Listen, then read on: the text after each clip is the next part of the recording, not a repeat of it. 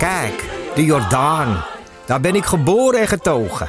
De nieuwe Nederlandse musical Onze Jordaan van Diederik Ebbingen is dit najaar in de theaters te zien. Koop nu uw kaarten op onzejordaan.nl. In de muziektheatervoorstelling Het Achtste Leven voor Brilka... naar de wereldberoemde roman van Nino Haratischvili en in regie van Nina Spijkers... vertelt hoofdpersoon Nitsa op meeslepende wijze, met veel ironie en humor... de dramatische geschiedenis van acht levens uit haar Georgische familie tussen 1900 en nu.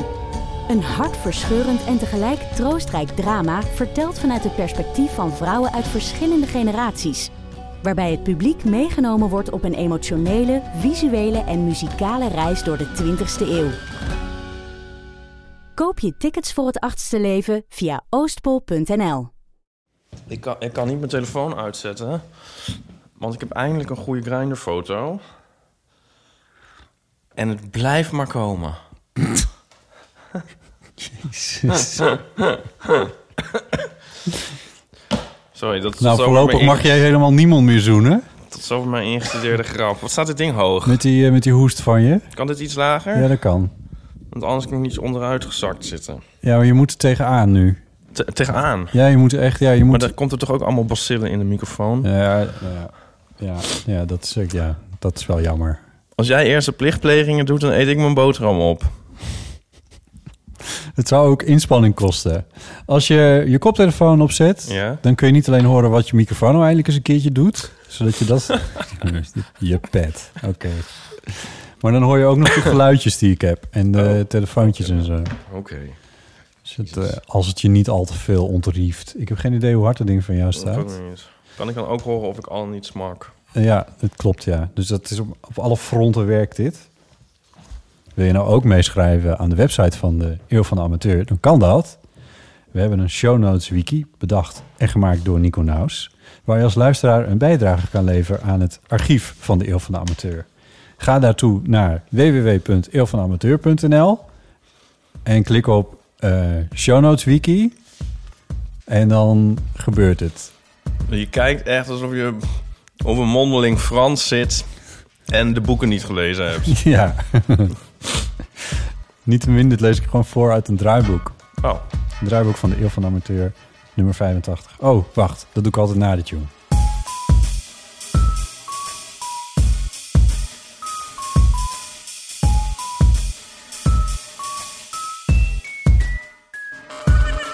Welkom bij de Eeuw van de Amateur, aflevering 85. Eh, het is eh, woensdag 27 februari. En samen met Ipe Driessen, welkom Hardo. die op dit moment eh, nog een boterham aan het eten is. Nou, En ook nog een ei gaat eten. dan krijgen we een tweezakje. We krijgen een theezakje. We zitten namelijk in de studio van Bart. Voor de verandering eens een keertje. Ja, zo- de studio heet de studio van Bart. Ja, en het is ook... de studio van Bart. Maar, misschien wel leuk om erbij te vertellen. Of hebben we het al verteld? Het is ook beetje onze studio. Het is ook een beetje onze studio. Wij zitten daar ook tegenover elkaar aan een bureau. Wij zitten gewoon overdag, mensen, lieve luisteraars, gewoon samen op kantoor. Redactie. Redactie.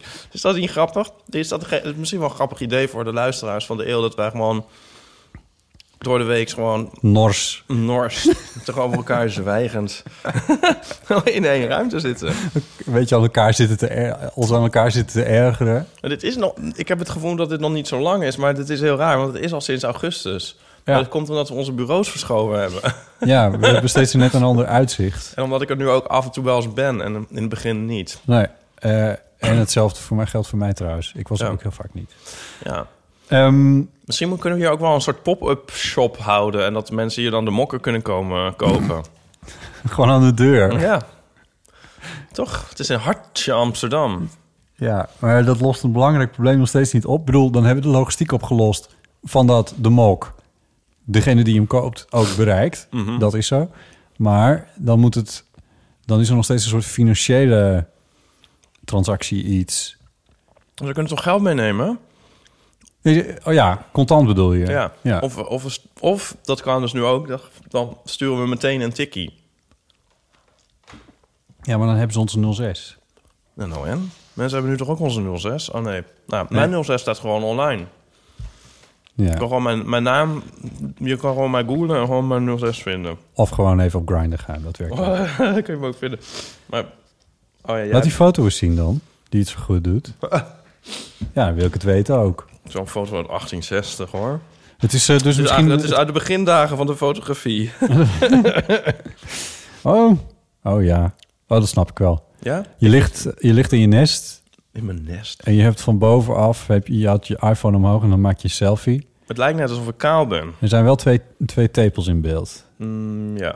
Ja. Ik vind het een beetje alsof ik kaal ben, wat ik niet ben. Maar dat zou je kunnen denken. Dat zou je kunnen denken, Dus maar... weerhoudt mensen er toch niet van te reageren. Ik bedoel niet, oh ja, dat klinkt als een soort bald shaming. Dat bedoelde ik niet.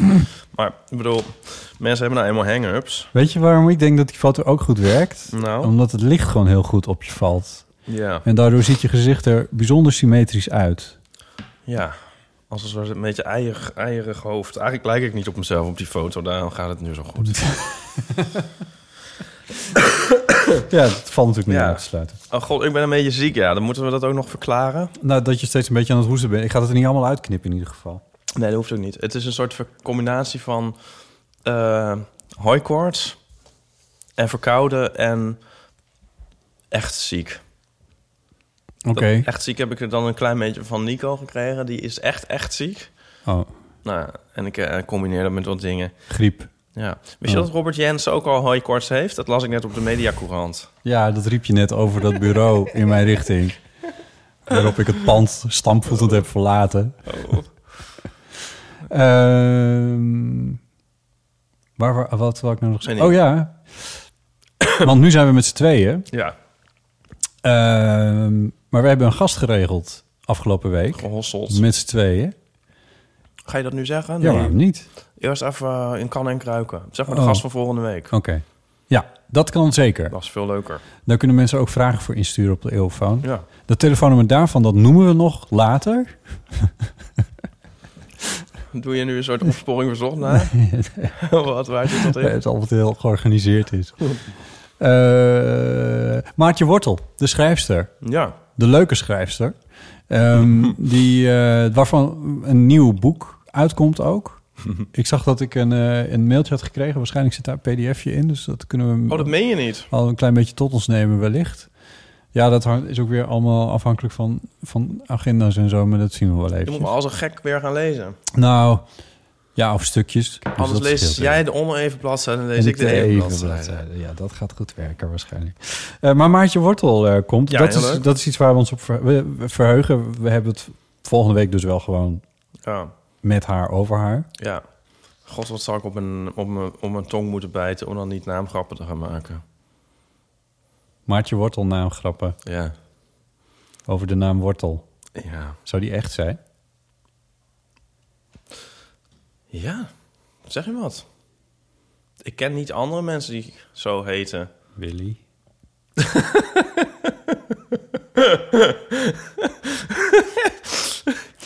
Goed. Het komt niet goed. Ik hoop niet dat ze dit hoort voordat, voordat ze...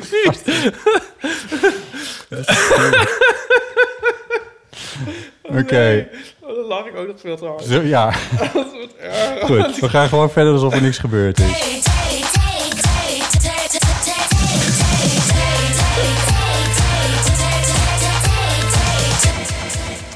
Eh, en omdat we in de studio zitten waar om een of andere magische reden geen Pickwick thee is...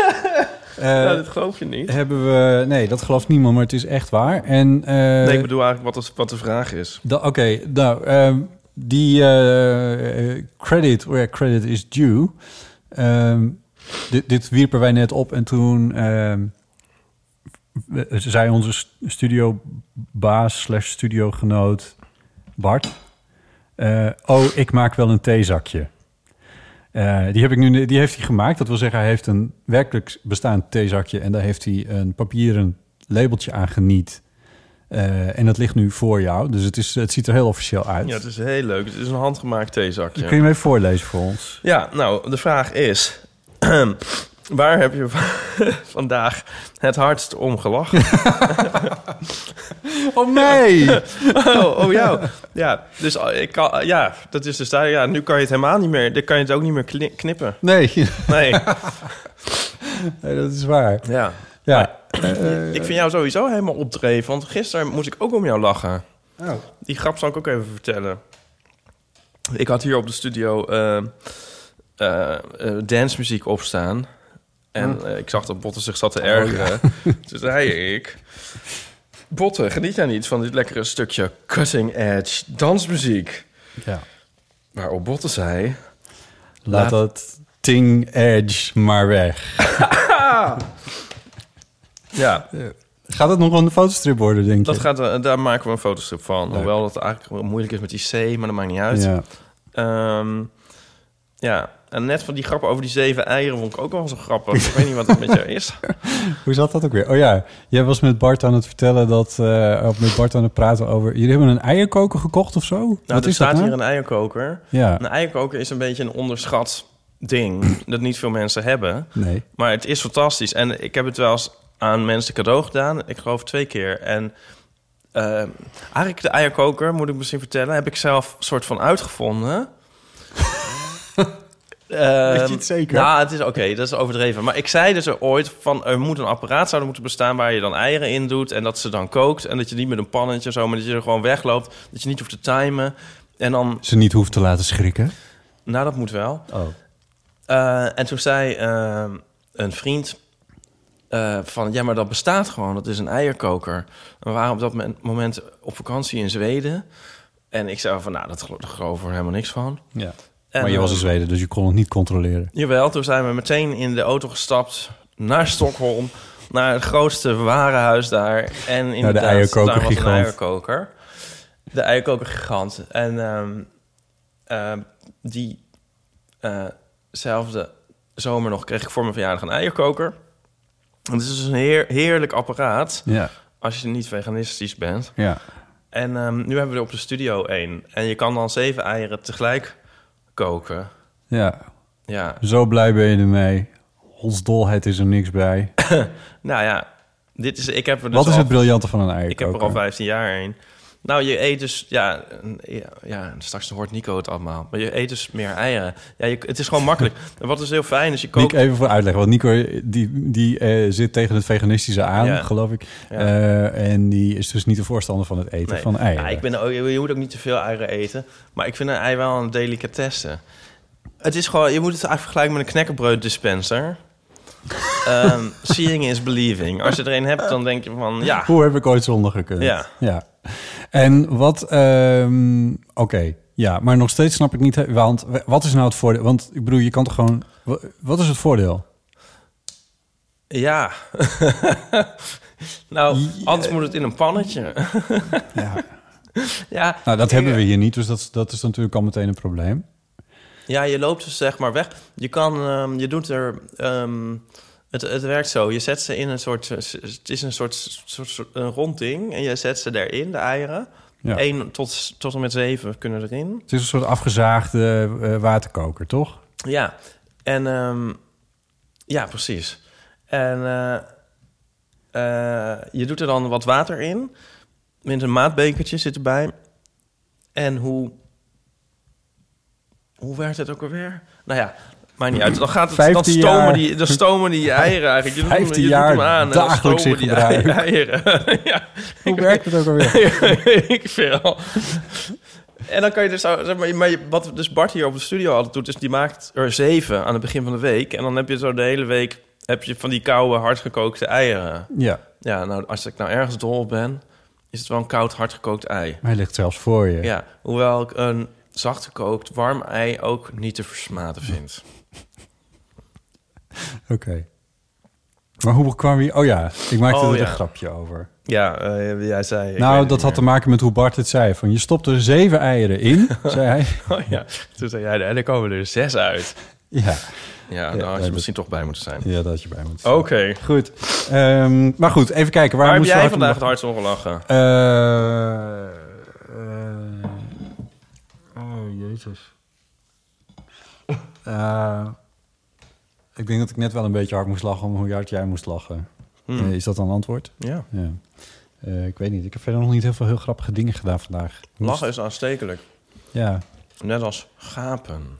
ja, maar het, ik bedoel, je moet het ook weer niet overdrijven. In die zin dat ik een hele leuke dag achter de rug heb... waar ik niet per se de hele tijd heb lopen, lopen schateren. Nee, dat hoeft ook niet. Nee, dus het, het, is, eh, het gaat eigenlijk hartstikke goed met me. Dank je wel. Ik vind het altijd zo irritant van ehm, mensen als Gordon en zo. De, de, de, de, de, dag niet gelachen, een dag niet Nou, geleefd. Maar die weten dan dat het lachen aanstekelijk is. Dus die gaan dan maar zelf heel hard de Oh, hele ja. om alles lachen. Ja. Wat ze zelf zeggen. Zodat het net lijkt alsof ze heel grappig zijn. Ja. Oh, hoe heet die film ook weer? Daar zit, zo'n zit dit een hele beruchte, of een hele beroemde scène. Was dat Scarface? Nee, dat is niet Scarface. Of misschien was het wel Scarface.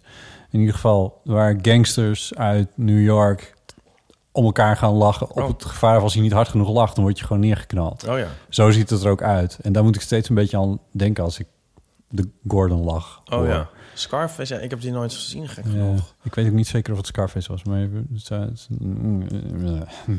dit googelen we. Ja. Ik heb ook nog een verhaal over een lachtherapeut... dat hij er verband mee houdt. Maar dat moet ik bewaren voor onze humor special. Die we humorspecial. ooit Ja, die zitten aan te komen, ja. hoe, hoe wat weten we ook nog niet. Ehm, Dat was het voor vandaag. ja, dat was het toch vandaag. Bedankt voor het het luisteren. luisteren. Bel de eeuwofoon. Oh, nu we het daar toch over hebben. 06 1990 68 71. Ehm, we proberen zoveel mogelijk berichtjes van de eeuwfoon te laten horen, maar het lukt niet altijd. En nu, vandaag, hebben we wel eens eventjes de tijd om even een aantal te laten horen. Ik heb er een flink lijstje. Eh, mensen over verveling. Mensen Ja, leuk. over met een zwembadverhaal. Oh, leuk.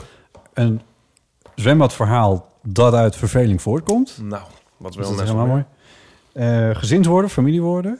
Wat? Oh, worden. Ja, Ja, ik dacht misschien gezin hebben we word, die- worden. Hebben we die ook al wel. En dan is er nog een busverhaal. En dan is er nog een dromenverhaal. Er zijn drie dromenverhalen. Jezus. Dus eh, ja, zeg maar, waar, waar wil je mee beginnen? Dan eh, gaan we dat verveling. Verveling. Ik heb een verhaal van eh Marieke. Dat is een verhaal gecombineerd zwembad en verveling. Hallo, ehm met Marieke. Jullie vroegen eh, verhalen dat je eh, domme dingen die je hebt gedaan toen je je verveelde en zwembadverhalen. En ik heb een eh, eh, dom ding wat ik heb gedaan toen ik me verveelde in het zwembad verhaal. Vroeger zwom ik eh, echt heel vaak. Dus ik was eh, vier, vijf dagen per week in het zwembad. En op zo'n woensdagmiddag dat je dan vrij mocht zwemmen, er was ik een beetje, er was niemand leuk en ik was een beetje aan het rondhangen. En je hebt, eh, had in dat zwembad van die stangen die eh, aan de muur zaten. Waar je dan aan vast kon houden als je in het water was met zwemles en zo. En ik dacht, laat ik proberen of ik mijn voet tussen de stang en, het, en de muur kan krijgen. Als een soort van experimentje. Want ik was me aan het vervelen. En dat kon. Eh, maar daarna ging de voet er niet meer tussenuit. Ja. Dus toen zat ik vast met mijn voet tussen de, eh, tussen de muur van het zwembad en de stang. ik lag een beetje in het water met mijn voet daar dat, proberen dat, eh, die er weer uit te krijgen. En dat ging niet. En uiteindelijk maar een badmeester gewaarschuwd dat ik vast zat. En badmeester proberen, voet ging er niet uit. En toen is er uiteindelijk een grote stang gehaald.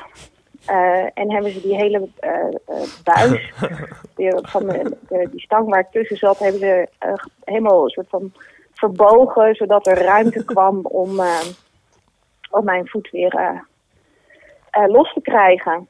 Dus eh, mijn actie van, oh, eens even kijken of dit ook kwam, eh, kan, dat eh, had nogal gevolgen, want het, ja, de buis moest verbogen worden. En die, die, die is nog ook jarenlang, heeft die knikker ingezeten, omdat, omdat ze die dus van de muur af moesten halen. Dus dat was echt een heel, Ze durfden dus nog wel terug te komen. ja, redelijk niet zo slimme actie. Veel plezier met opnemen en ik kijk weer uit naar de volgende. Doeg! Doeg, dankjewel Marieke. Ja, ja ze durfde nog wel weer terug te komen. Ja, dat, dan ook, dat zou ik dan zou ik me volgens mij ook een beetje bezwaard voelen. Van, oh, hoi eh, badmeester. Nee, ik zal uitkijken met de stangen en muren. Ja, Nee, maar het is ook wel goed om wel gewoon... Ik bedoel, ja... als je van een paard valt, moet je er meteen weer opklimmen. Ja. Ja. Eh, meteen je voet weer tussen een stang steken. Eh, Het is ook een beetje... On, je kan ook andersom redeneren. Zo van... hebben ze helemaal zo moeite gedaan om je daarvan uh, daaruit te krijgen. Ja. En de, de, helemaal het ding verbogen. En, van, en dan vervolgens laat ze nooit meer de gezichten zien. Nee, ja, dat precies. zou ook niet goed zijn. Nee, dan is het nooit meer handel gehad van haar. Nee. Ja, ja. Ik denk dat je daar als, eh, als eh, badmeester ook wel om moet lachen om dat soort dingen. Ik bedoel, hè, dit was boven water. Als iemand onder water vastzit, is het erger. Ja. Dat ja. lijkt me echt afschuwelijk trouwens. Oh ja, nee, hou op. Ja. Ik heb hem wel eens gezien in een zwembad. Ehm, Je moet nu vandaag sorry. wel even extra dicht in de Ja. microfoon, want anders dan klinkt het heel hol. ik heb wel eens gezien in een zwembad. Ehm, toen werden we eruit gejaagd. Zo van eh, sluitingstijd. En een man die ehm, gaf daar amper gehoor aan. Eh, die ging toen nog douchen. Maar die ging toen nog uitgebreid zijn haar staan wassen. En toen de badmeester het water af en de douche. En toen stond hij helemaal zo met shampoo en zo. en toen ehm, kon hij dat dus niet meer uitwassen. Dat werd een woordenwisseling. En die man die stond er maar. En toen uiteindelijk toen rende die... Nou, l- rennen weet ik niet, maar toen liep hij weg richting het zwembad. En toen sprong hij zo met zijn shampoo hoofd het zwembad in. ja, en toen was werd de natuurlijk- badmeester ziede. Echt? Ja, Maar je Ja. had het zelf gedaan. ja. Wat? Nou ja, maar ja, Ja, het was die- sluitingstijd. Die man die ging maar niet weg. Oh, ja. Ja, maar ik weet niet, vraag me af waarom ik dat allemaal gezien heb. Want ik was dan ook nog in dat zwembad. zeggen, ja. Dat vind ik gek. Ja. Toch is dit eh, echt gebeurd. We hebben nog een zwembadverhaal. Van Hiske. Oh, leuk. Hallo, eh Botte, Ipe en eh, misschien Paulien of iemand anders leuks. Ehm, dit is Hiske weer, wederom voor de tweede opeenvolgende we- eh, week aan de EOFoon. Eh ik heb het even opgenomen, want vorige keer kon ik mezelf nauwelijks verstaan. En ik ga jullie ook echt niet elke week lastigvallen, maar ik sloeg meteen ontzettend aan met de, bij de vraag van Ipe over eh, zwembadverhalen. Want eh, ik heb een zwembadverhaal dat ik nogal vaak aan mensen vertel, omdat ik het zelf altijd zie als een soort symbool voor sociaal ongemak. Doorgetrokken in een soort van rare, absurde situatie. Ehm, en dat verhaal dat, eh, gaat als volgt. Ehm, ik ging vroeger wel eens zwemmen in het Zuiderbad. Het is best wel lang geleden, want toen woonde ik dus nog in Zuid. Dus dat is zeker een jaar of acht geleden of zo. In Amsterdam. En ehm, daar kwam ik eh, op een dag, kwam ik daar toen ik zeg maar naar het zwembad toeliep, kwam ik iemand tegen die ik een beetje ken, maar die ik wel al heel lang niet had gezien. Het was namelijk iemand met wie ik eh, in de laatste klas van de middelbare school in een toneelstuk had gespeeld. En die ik daarna eigenlijk niet meer echt had gezien, maar dus wel een tijdje vrij intensief mee eh, eh, had samengewerkt aan dat stuk. En ehm, eh, dus we maakten een klespraatje. Hey, hoe gaat het met jou en wat ben je nu aan het doen en dit en dat. En vervolgens gingen we dus zwemmen. Maar als je dus in hetzelfde baantje zwemt, want we zwommen gewoon in zo'n baantje, dan kom je elkaar dus elke keer tegen. Dus je Oh, zwemt ja. steeds langs elkaar.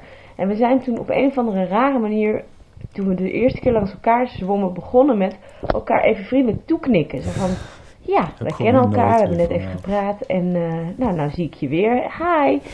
Ehm, nou, dus toen eh, dan, eh, kom je bij de eind van de baan en draai je om en dan zwem je terug. En vervolgens kom je elkaar dus weer tegen.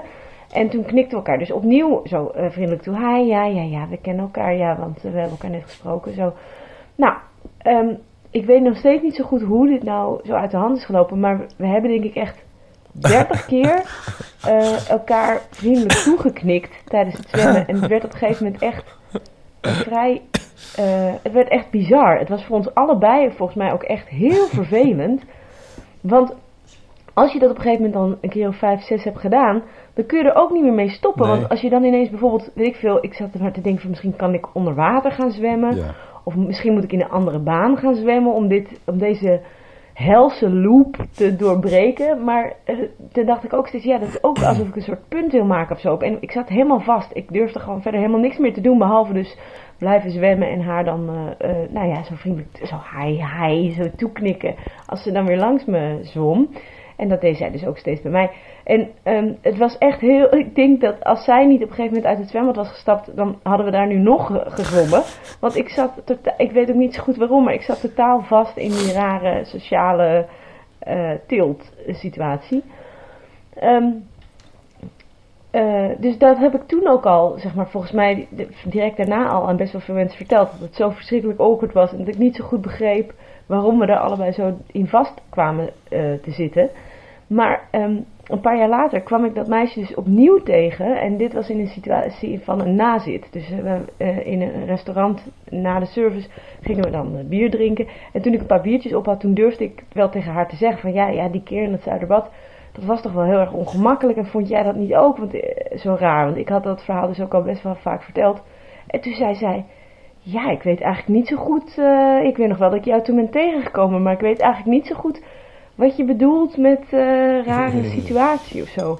En het is me, nou ja, dat was, ik vond dat zo verbazingwekkend. Het is me dus nog steeds niet duidelijk of het nou eigenlijk toch niet raar was dat we elkaar dus 30 keer op dezelfde rare manier vriendelijk hebben toegeknikt tijdens het eh, heen en weer zwemmen. Ehm, of dat, het, dat, dat zij het misschien niet had gezien of dat het echt al helemaal in mijn hoofd zat. Nou, ik vind het nog steeds een compleet, eh, compleet mysterie. Maar goed, dit is in ieder geval mijn zwembadverhaal. Oké, nou, eh, veel plezier met de opname en ik eh, kijk er naar uit. Dag! Dankjewel Hiske voor je verhaal. Ja, met zo'n verhaal mag eh, Hiske elke week wel bellen. Ja, en eh, een Groundhog Day eh, verhaal eh, eigenlijk. Ehm, dat is toch ook wel interessant. Dat is wel, ik bedoel, dat is een goede observatie. Dat dat voor de. Nou, ik ga je een beetje. ik kan niet alles eruit knippen hoor. Ehm, nee, doe nog maar een eitje. Cola. dat het in, in dat het dat de perceptie van zoiets, ik bedoel, dat gaat, dat zou in mijn hoofd ook echt enorme, waanzinnig grote vormen aannemen. Ja. Van we hebben 30 keer naar elkaar geknikt en we kwamen er maar niet uit. Terwijl iemand anders daar gewoon dus totaal niet mee kan zitten. Nee. Ik denk dat over het algemeen neem ik aan dat eeuwluisteraars eh, een soort team Hiske zullen zijn. Er wel mee zitten. Ja, en ik zou er natuurlijk ook mee zitten. Ja, Maar je hebt dus mensen die het allemaal maar niet doorhebben. heerlijk. Ja, dat moet wel heel fijn zijn. Bliss. Ja. Ehm, ja, nee, het lijkt me verschrikkelijk. Ik zou denk ik weer overigens wel hebben geprobeerd dat te doorbreken. Dus door er even uit te gaan en dan iets neps te doen. Ja. Bij wijze van spreken. Richting de wc's te lopen. Of Ja, eh, ik weet niet. om, eh, die loop, om uit die loop te komen. ja, en dan in een ander baantje Ja, daarna terug te gaan. ja ik belandde hier ineens. Ja, ja, ja. ja. Ja. Nee, heel goed. ja. Doe jij ook van als jij op de gang eh, je buren hoort... dat je dan wacht met naar buiten gaan? Hangt een beetje van de buur in kwestie af. Oh ja. Maar soms heb even van mij trouwens. Soms heb ik er inderdaad ook geen zin in en dan wacht ik. Ja, Ja. maar ja. Ja, wij hebben dan ook nog een keer zo'n trappenhuis waar je, ja, dat is Ja. Amsterdam trappenhuis waar je elkaar nauwelijks voorbij kan. Nee. Tenminste, ja, onze trap valt dan nog mee, maar je moet op elkaar wachten. Dus je bent ook verplicht om dan wel iets een beetje te communiceren, zeg maar, op een of andere manier. Ja. Ja, Ja. nou ja, anyway. Hey, ja, jij hebt dat helemaal niet meer, realiseer ik me ineens. Ja, ik kan nog steeds mensen op het trapje, dat ene trapje tegenkomen. Oh ja, daar zit aan de Ja. rechterkant zit, zit ook Ja. nog een. Oh De- ja. Dus als ik dan mensen hoor, dan blijf ik mooi binnen. mooi binnen. Ze zoeken het maar uit daar. oh. Ehm, ik heb nog. eh, er zijn een, een paar mensen die eh, gezinswoorden hebben ingestuurd. Laten we eerst even luisteren naar Gerard over een gezinswoord uit eh, zijn gezin. Hallo samen met Gerard. Ik bel naar aanleiding van die vraag over de woorden goeie. die in een beperkte kring gebruikt worden. Schoten me er direct twee te binnen. Die zijn door mijn moeder verzonnen, tenminste dat neem ik aan. En het zijn eigenlijk woorden die door hun verbastering juist versterkt worden in hun betekenis. Eh, vroeger deed bijvoorbeeld onze televisie wel eens raar. Dat was nog geen kabel-tv. Maar toen stonden er nog van die bossen met antennes op onze daken. En het weer had vaak invloed op de ontvangst. En mijn moeder zei bij zo'n storing vaak dat dat atmosferische veringen waren. Natuurlijk een verbastering van de vaak aanwezige atmosferische storingen. En het tweede woord werd bij ons gebruikt als iemand iets heel vreemds had gedaan. Die persoon had dan volgens haar last van verbijstverstandstering. En dat geeft volgens mij nog beter aan wat er aan de hand is met iemand dan het originele Ja. verstandsverbijstering. Eh, wat wel vervelend is, dat ik tegenwoordig soms niet meer op het originele woord kom. maar dat kan natuurlijk ook liggen aan het feit dat ik de 50 al eh, eh, gepasseerd ben. nee, Geert. dat soort zaken. nee. Niet. Eh, en dan nog een opmerking, even terzijde, over het weerbericht van februari in de podcast dat Piet Paulus maar ter sprake kwam. Jullie vonden dat eigenlijk makkelijk. Hyper geloof ik. Regen, zei hij. Ja. Ehm, ik heb de afgelopen tien jaar mijn website het regent bijna nooit.nl bijgehouden. Om aan te tonen dat het in Nederland eigenlijk veel minder vaak regent dan dat de meeste mensen zeggen of denken. Mooi. Maar dat eh, terzijde. Wat leuk. Nou, bedankt voor de mooie podcast. Ik luister ze meestal tijdens het doen van het huishouden. En eh, ga zo door. Dag. Eh, draag gegaan. Jezus. Die moet in de show notes. Het regent bijna nooit. Ik heb die site wel eens gezien, ja. Ja. Ehm, ja, dat is grappig. Dat klopt ook wel, want het is dus stralend weer geworden. Walenstreer. Ja. Sorry. Ja, maar dit is, dat is een soort van... Zoals die ene oude kabouter in, eh, in eh, Sneeuwwitje... die hier alles omdraait. Oh, die bestaat al. Ja, het, het gras maar een wapje. Ja, ja. Maar in dit geval zijn het, wat hij zei, dus verbasteringen die de betekenis ver, Verbeteren, versterken. Dus, ja. eh, dus dat is eh, nog wel een... De bestandsver... ver- wat was het nou? bestandsverwijstering. Ik Ja, weet het niet meer. ja, maar eh, ik heb trouwens ook wel eens dat ik in winkels per ongeluk haar doof zeg. Oh ja. Ja, maar dat vind ik dan eigenlijk niet zo erg. Ehm, maar over het weer, hè, Potten. Ja. Ik las, maar ik weet, je weet nooit of het waar is. Dat ehm, in 1985 deze week de Elfstedentocht werd gehouden. Correct. Dat heb ik toevallig net opgezocht. Dat Oh. was eh, in 1985 op 26 februari. Ja. En dat was ten tijde van deze opname gisteren. Ja. Ehm, overigens, vorig jaar, rond deze tijd, dat heb ik ook niet opgezocht... stond ik op 2 maart op de Keizersgracht met mijn schaatsen aan. Oh. Ja, Ja, en nu zitten we hier in onze t-shirt. Ik zit letterlijk in een t-shirt. Ja. Nou ja, goed, we zitten binnen. Maar goed, Ja. eh, je, je kon zonder jas buiten eh, deze dagen. Ja. Dus dat, ja, dat... Ik, ik adviseer jou om vaker regen te voorspellen. Ja. Want dat pakt goed uit. Word jij er niet zenuwachtig? Ik las vanochtend een Ja. stuk op The Guardian en er zei iemand van... I'm terrified. Am I the only one who's terrified about the weather? Ja. En dat iedereen maar zo vrolijk buiten loopt. en dus het stuk eindigde zo heel omineus van... S'avonds ziet die de schrijver dan mensen overvallen worden... door een alsnog invallende koude. En het, eh, dat is voelt dan strangely as a metaphor. Ja, ja. Van de week eh, opende eh, Chris Keijne met het oog op morgen met de woorden... dat het zulk fantastisch weer is en dat mensen daar heel vrolijk over zijn. Maar hij zei, ik vind het doodeng. Ja, of zijn we nou weer... Ik het Apocalyptisch aan het denken. Ja. ja. Ja, kijk, het is het weer, dus het is niet het klimaat wat wij meemaken. Ehm, maar het is natuurlijk wel opvallend dat het nu eh, wel echt substantieel warmer is dan het een jaar geleden op deze tijd was. En dat inderdaad dat je kan zien dat in 1985 en in 86 ook trouwens in deze weken de Elfstedentocht nog werd verreden. En dat is nogal weer een paar graden kouder dan we vorig jaar hebben meegemaakt. Ja. Ehm, ja, ja, het is nu. Het is, eh, ik, ik ben dus met, met een verhaaltje bezig geweest hierover. Dus ik we heb wat statistiek in mijn hoofd. Maar het, Ja. is in, het is dit jaar 22 jaar geleden dat de laatste Elfstedentocht is verreden. Ja. Dus volgend jaar is het 23 jaar geleden als het volgend jaar niet doorgaat. En dat zou de langste periode zijn dat er nooit een Elfstedentocht is verreden. Eh, de vorige keer was tussen 63 en 85. Dat is 22 jaar. Ehm, en de verklaring die daar... Dit is Zeg maar Wikipedia-kennis. tussen, Kennedy en de Challenger. Ja, de verklaring die daar volgens Wikipedia voor is gegeven... is dat er elektriciteitscentrales en andere eh, fabrieken eh, warm water loosden op de Oh. Friese ja. eh, wateren. Ja. Waardoor het 4 graden kouder had moeten worden... dan normaal gesproken al noodzakelijk is voor een Elfstedentocht. Ehm en dat, daar is men natuurlijk in de loop van de jaren tachtig wel een beetje achter gekomen... dat dat niet zo'n goed idee was. Ja. Dus daar zijn ze toen mee opgehouden. Ja. Eh, en niet vanwege de Elfstedentocht, maar gewoon in zijn algemeenheid... dat je geen warmte moet verspillen... en dat dat lozen op eh oppervlaktewater niet zo'n goed idee is. eh, in zijn algemeenheid. En toen kon dus in 85 en 86 meteen weer wel een Elfstedentocht worden gereden. Hm. Ergens gaf die anekdote mij ook alweer hoop. Omdat ik dacht, je kan dus ergens mee ophouden... en dan herstelt het zich weer. En nou is dit wel heel eenvoudig. Namelijk Ja. stoppen met warm water in koud water stoppen. maar eh, als, als er nu maatregelen worden genomen om de CO2-uitstoot te beperken, dan zou je. Ik bedoel, ja, dan.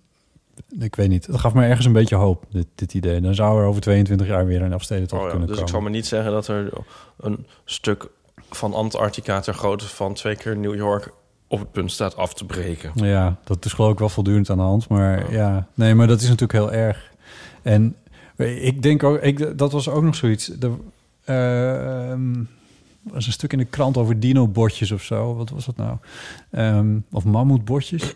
en dat die dan eh, gevonden worden bij, door vissers op de Noordzee. Omdat het, eh, het water van de Noordzee ooit 150 meter lager heeft gestaan. Nou, niet alleen van de Noordzee, maar gewoon het, het zeewater eh, wereldwijd 150 meter lager. Want ik denk steeds, hoeveel water en hoeveel sneeuw en ijs is er wel niet nodig om de hele wereld de zeespiegel 1 mm te laten stijgen? Dat moet waanzinnig zijn. Maar dat kan dus 150 meter zijn. Want dat is namelijk gebeurd. De Noordzee heeft droog gestaan. Ehm die hebben het over ettelijke duizenden jaren geleden. Maar, het, maar dat is wel gebeurd. Ja. eh, dus dat de, de zeespiegel kan nog substantieel kan stijgen. Dat is gewoon een feit. Ja. En dat vind ik toch gewoon een beetje angstig. Ja, jij wordt hier ook heel ongemakkelijk van, zie ik. Ik word hier ook Ik ongemakkelijk ga nog een keer Waterworld kijken met Kevin Costner. Ja, precies. Ja. Maar is jouw haar trouwens leuk? Dank je. Het is veel te lang. Nee, het is heel leuk. Je moet het zo houden. Het is, het is, zoals het nu zit, eh, dat is relatief veel werk. Oh. Ja, je moet al het haar groeien en zo. Eh, nee, ik, ik heb het vanochtend gewassen en dan een beetje product erin gedaan. Product. En, maar dit, dit is één dag. Morgen dan hangt het gewoon weer recht voor mijn ogen. Oh. Ik vind het heel leuk. Dank je. Maar Ook ik ga morgen nek, naar de vind ik het kapper. Nee joh, ja, doe nou echt. Nee, echt. Nee, Het is, echt. eh, Een beetje gek. Het is heel leuk. Met zo'n het is stijl. Nee, je hebt gewoon een soort lang haar. Het staat, het staat heel goed. Ja, nou, ik zal tegen mijn kapper zeggen dat hij er niet te veel eh, af moet halen. Nee, dat hij er nog wat bij doet. ja, precies. Eh, we gaan eh, verder met familiewoorden en daar volgt een vervelingsverhaal uit. En dat is eh, door, ingebeld door Anne Roos. Hoi Botte en Ipe en mogelijk ook een gast eh, met Anne Roos weer eens een keertje. Eh, ik heb voor jullie een eh, familiewoord en een vervelingsverhaal dat niet zo goed afliep. Ehm, het familiewoord dat gaat om het woord troddel. En troddel dat verwijst eigenlijk naar een hoopje kleding of textiel eh, dat niet gevouwen is, maar gewoon ergens in een hoek of op een plank gesmeten is. En we gebruiken het dan als het ligt op een troddel of ehm, er ligt een troddelkleding in de hoek. Ehm, maar het grappige is dat een vriendin van mij eenzelfde soort woord heeft, namelijk frobbel voor hetzelfde fenomeen. En eh, wij kennen elkaar pas sinds onze studietijd, maar zij had dat woord dus ook al voordat wij elkaar kenden. Dus dat is onafhankelijk van elkaar eh, ontstaan.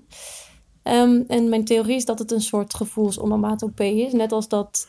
eh, net als zalf dat naar mijn idee is. Dus het klinkt een beetje zoals het voelt. Ehm, maar goed, frommelen zal er ook wel iets mee te maken hebben. En dan misschien eerder bij frobbel, dus de versie van die vriendin van mij, dan bij troddel. Ehm, en dat gaat natuurlijk vooral over papier, maar misschien kun je ook kleding opfrommelen. Ik weet het niet. Maar in ieder geval, ons familiewoord is troddel. Ehm, en dan het vervelingsverhaal, dat gaat over dat ik ehm, een keertje, denk ik, wiskunde aan het maken was. Want ik was met een potlood huiswerk aan het maken, volgens mij. Ehm, en dat deed ik blijkbaar niet bij andere vakken. En eh, ik had wel een puntenslijper op tafel liggen ook. Want daar gaat het in dit verhaal om. Ehm, en ik had een haaltje aan de nagel van mijn pink. En dat wilde ik eraf hebben. Maar ik was natuurlijk als puber te lethargisch om even op te staan. En er lag geen nagelschaartje in de buurt. Dus ja, je voelt hem al aankomen. Ik heb mijn vinger even in de puntenslijper Oh, gestopt en die omgedraaid.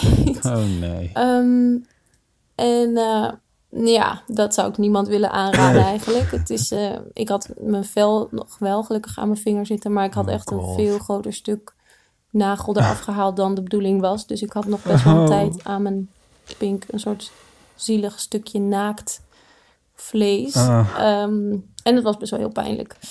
Dus eh, nou, dat was mijn vervelingsverhaal dat niet zo goed uitpakte. Nee. Eh, groetjes uit Groningen. Ja, dankjewel Anne Roos.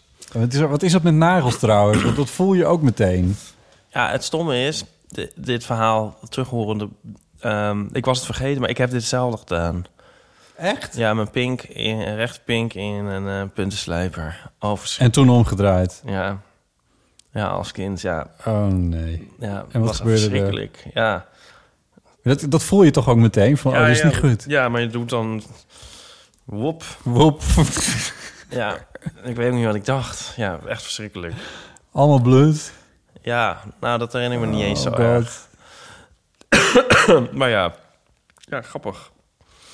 Ja. Ja, er is ook niks aan te doen, want kinderpinkjes passen nou eenmaal in puntensluipers. ja, ja. Een afschuwelijk verhaal. Maar wat is dat met nagels? Want dat, waarom voel je dat zo? Eh, Dat als iemand iets zegt, dat je dan zo gaat zo... van, "Ah." ja, dat. En, Ja, en, en, ja, ook met gek, nagels ja. over een, over een, over een Oh, bord. Als dat, ja. dat hoeft iemand maar te zeggen. En, Oh. en je hebt al iets... Ik weet niet. Het zou het, het- cringing- ook vergelijkbaar is zeg maar de, de prik in een film. Je kan zo'n Ja. film kijken van eh, met, met alle mogelijke vormen van geweld en dat je denkt oké. Ja, en dan, Dan krijgt iemand een krijgt een naald. En dan ja. is het "Oeh." ja, ja. Ja, En daar is natuurlijk al heel vaak over gesproken. Ik weet niet waarom dat is. nee. Ik heb het Nou, wel zelf ook heel sterk. Ja, Maar mijn tanden heeft er ook wel iets mee te maken. Wel als je, ja. het heeft ook met ja, maar tand ja, ja. Zou het misschien zijn omdat het zo in... in omdat als iemand... Als je, als je in een film eh, heftig geweld wordt toegepast... en iemand krijgt echt een flinke beuk op de Kan je neus... niks bij voorstellen. Daar kan je niet zoveel bij voorstellen misschien. Zelfs als je het een keer hebt meegemaakt... is het waarschijnlijk nog wat abstract. Eh, terwijl... Nou, of misschien kijk je dan films wel heel anders. Misschien kijk je dat, dan niet meer. Ja, Misschien wel, ja. Misschien kan iemand dan een keer... iemand die Ben, ben je nou zelf? op je neus gebeukt... Jezus. Hoe kijk je dan naar neusbeukingen op, eh, op de film? Oh ja. Bel dan even in. Ik dacht eigenlijk van... eh, Nee, oké, ja. Wat? Zeg maar. Nee, eh, eh, ben je zelf door een killer robot achterna gezeten en eh, drie keer opgeblazen geweest? Denk je dan nu ook anders over Ja. op de neus geslagen worden? Ja. Oh ja, dat kan natuurlijk ook nog. Nee, ik weet niet of we dit allemaal willen horen. Het is allemaal zo akelig onderwerp hebben we opeens aan. Ja, ja, misschien wel. we- Laten we even naar iets... eh, even kijken hoor. Nou nee, ja, ik heb ook nog een rampendroom en een angstendroom. Die dromen. Weet je wat we doen? We gaan eerst even naar eh Iets Annemarie luisteren. Oh ja. Want ehm, eh, die zoekt een penvriend. Hi, Botte, Ipe en misschien wel gast. Ehm, ja, met Annemarie. Ik luister met heel veel plezier. Ik was trouwens de beller die belde over eh de multipla verhaal. Oh En had mijn naam niet achtergelaten, ze was nergens om. Maar goed, Annemarie dus. Ehm, ja, het punt is, ik hou dus heel erg van brieven schrijven. Ik vind het heel leuk om post te krijgen ook dan. En, maar ook te sturen. En eh, mijn dilemma dat is, het, eh, is dus eigenlijk dat ik eh brieven schrijf. Heel veel plezier aan beleef, maar dan niet altijd iets terugkrijg. Ik heb een paar vrienden die dat doen en dat vind ik gek. Maar eigenlijk zou ik wel weer een penvriend of vriendin willen hebben. Zoals vroeger. En dat ging dat gebeurde dat veel meer in mijn leven als puber met brieven schrijven. En eh, ergens lijkt me ook wel leuk dat ik die persoon helemaal niet ken. Maar ik dacht, ja, hoe ga ik dat dan vinden? En nu zat ik vandaag te luisteren naar eh, de Eeuw van de Amateur. En toen dacht ik, hé, hey, daar zijn misschien wel meer luisteraars die precies hetzelfde denken. En dat leuk zouden vinden. Dus eigenlijk is het een soort dilemma waarvan ik hoop dat het gewoon via zoals dit van oproepje eh, meteen opgelost kan worden. Ik ben sowieso wel benieuwd hoe dat bij jullie zit eh, met schrijven en brieven en post ontvangen. Missen jullie dat ook of helemaal niet? Ik dus wel. En bij deze oproep. Wil iemand met mij schrijven? Nou, super blij met deze show. Ik geniet er elke keer van. Dus eh, ga zo door. Doei doei! Doei. Show. Ad- adres bekend bij de redactie. ja. Ja. Wat trouwens niet waar is. Dus Annemarie, je kan eventjes, eh, als je dat naar mij stuurt... dan kan ik je wel in eh, contact brengen met een eventuele eh, reagerende Eeuw van de Amateurluisteraar... die met jou een eh, briefwisseling zou willen opzetten. Dat is natuurlijk Ja. wel een idee. ja. Maar waar moeten die brieven dan heen? Ja, die kunnen ze gewoon aan elkaar sturen, maar dan koppel ik ze. Dan kan Oh, Annemarie ja. de eerste brief sturen. Ja, ja. Ja. Als, Ja. eh, eh, dit, dit is wel te bedenken hoe dit, Ja. eh, hoe dit gaat werken. ja. En anders kan je natuurlijk ook altijd nog met veroordeelde criminelen gaan corresponderen. Ja. Ja, dat kan ook nog. Ja. Maar, Nee, dat zei ik weer als cynische grap. Maar ehm, daar heb ik de lol nooit van ingezien. Maar de andere wel. Gewoon, gewoon schrijven. Dat is Ja. natuurlijk een beetje uit de tijd. Nee, Mijn, mijn zus schreef altijd brieven aan tante Lies en vice versa. Was altijd heel gezellig. Was ik een beetje jaloers op. Ehm, Het is grappig dat je Het is- zegt. Ik moet ja? denken aan... eh, en sorry, is je nee, verhaal ja, nog nee, niet af? ja. Nou, ik heb eh, eindelijk dan toch... eh, afgelopen dagen... de dagen van de blue, Bluegrass liefde gelezen. Van Edward van de Vendel. Ik vraag me af of die titel ooit door iemand in één keer vlekkeloos is uitgesproken. De, de, L'en en de R'en en de Amerikaanse R'en zitten Ja. door elkaar. Anyway, van Edward van de Vendel. Wat ik een fantastisch boek vind, wat helemaal niet voor mij eh, bestemd is. Je moet ongeveer de helft van mijn leeftijd hebben, volgens mij. Dat is een beetje titel. Wat doe je nou? Je gaat altijd onderuit hangen en de microfoon naar je toe. Ja. Ik vind het best. Je mag hem ook uithalen, hè? Dan hoef je alleen de microfoon vast te houden. Oh ja, dat is goed. Dat kan mag. een beetje rondlopen. Ja, dan kun Eh, de microfoon uit het statief.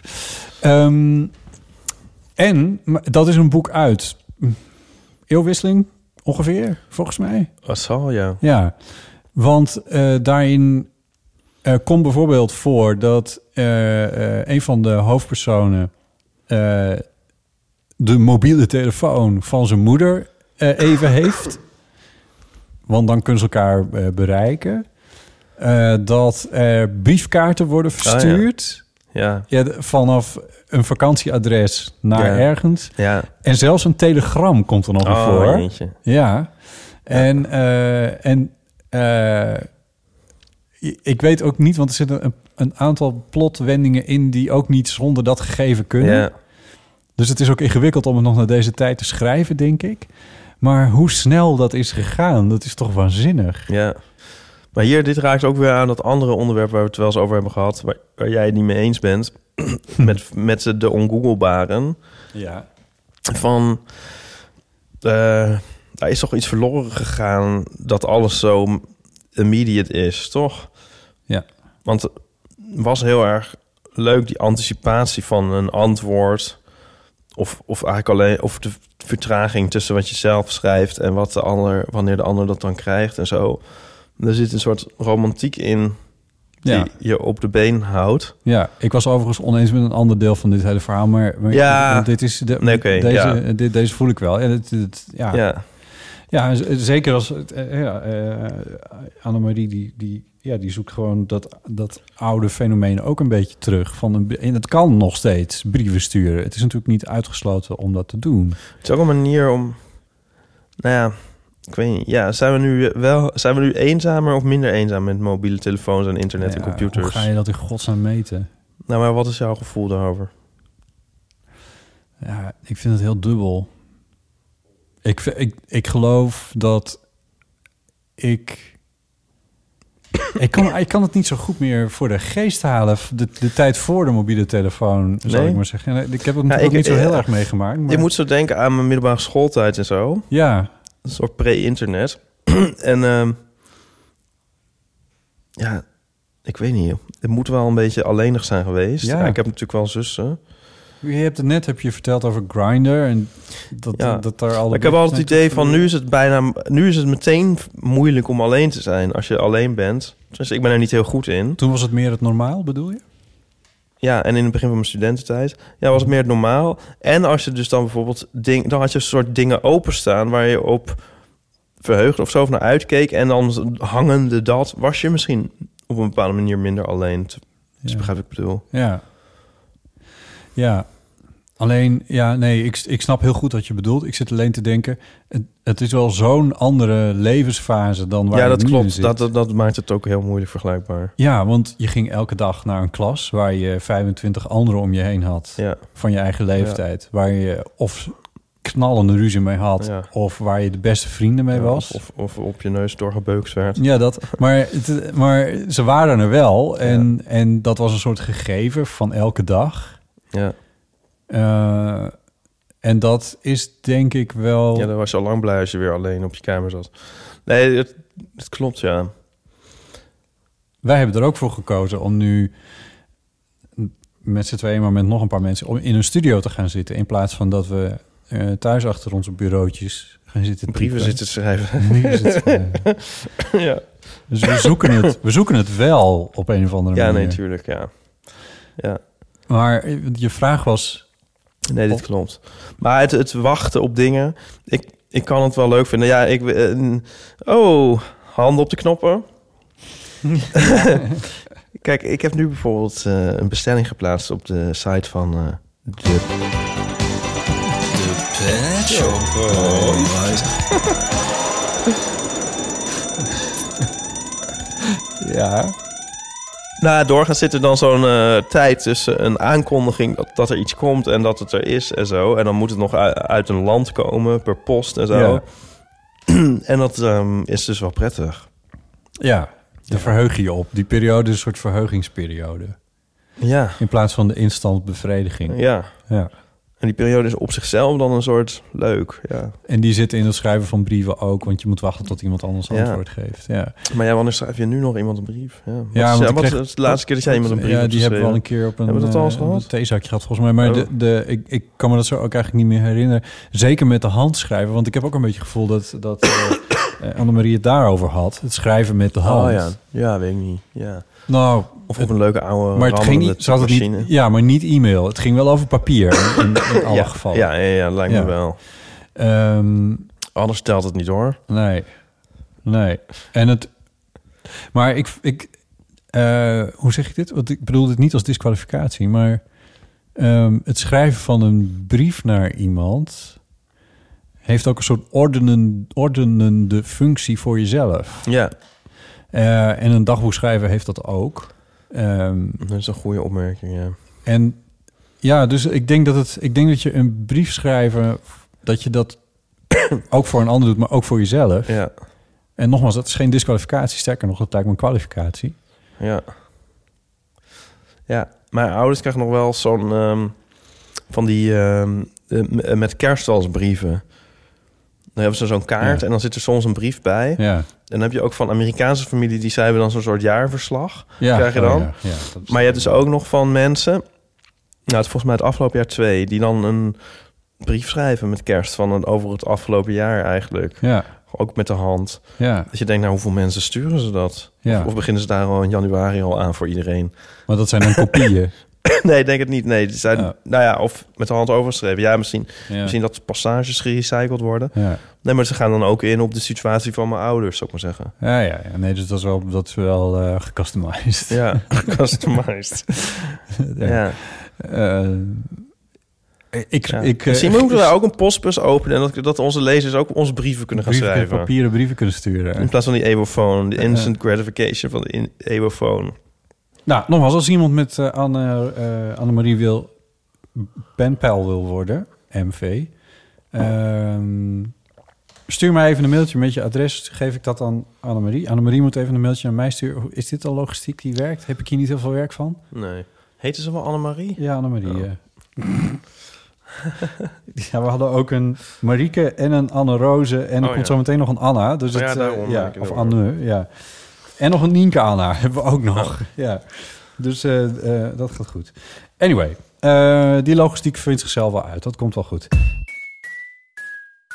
Dit is een moment voor onze sponsor, HelloFresh. Mede dankzij HelloFresh kan de Eeuw van de Amateur wekelijks worden gemaakt. HelloFresh is een maaltijdbox. Je kiest zelf minimaal drie lekkere recepten uit en krijgt alle ingrediënten die je nodig hebt bij je thuis bezorgd. Via de app op je telefoon en via de website kun je ook heel gemakkelijk je bezorgingen bijhouden en managen. Het is bijvoorbeeld heel eenvoudig om een weekje te pauzeren of op een andere dag de box bezorgd te krijgen. In de vorige aflevering hoorde je hoe Ipe en ik in zijn keuken waren en begonnen met het bereiden van... Rigatoni schotel. Oké. We zijn al een heel eind. De pasta kookt, de ingrediënten zijn gesneden en nu bakt Ipe de stukjes courgette.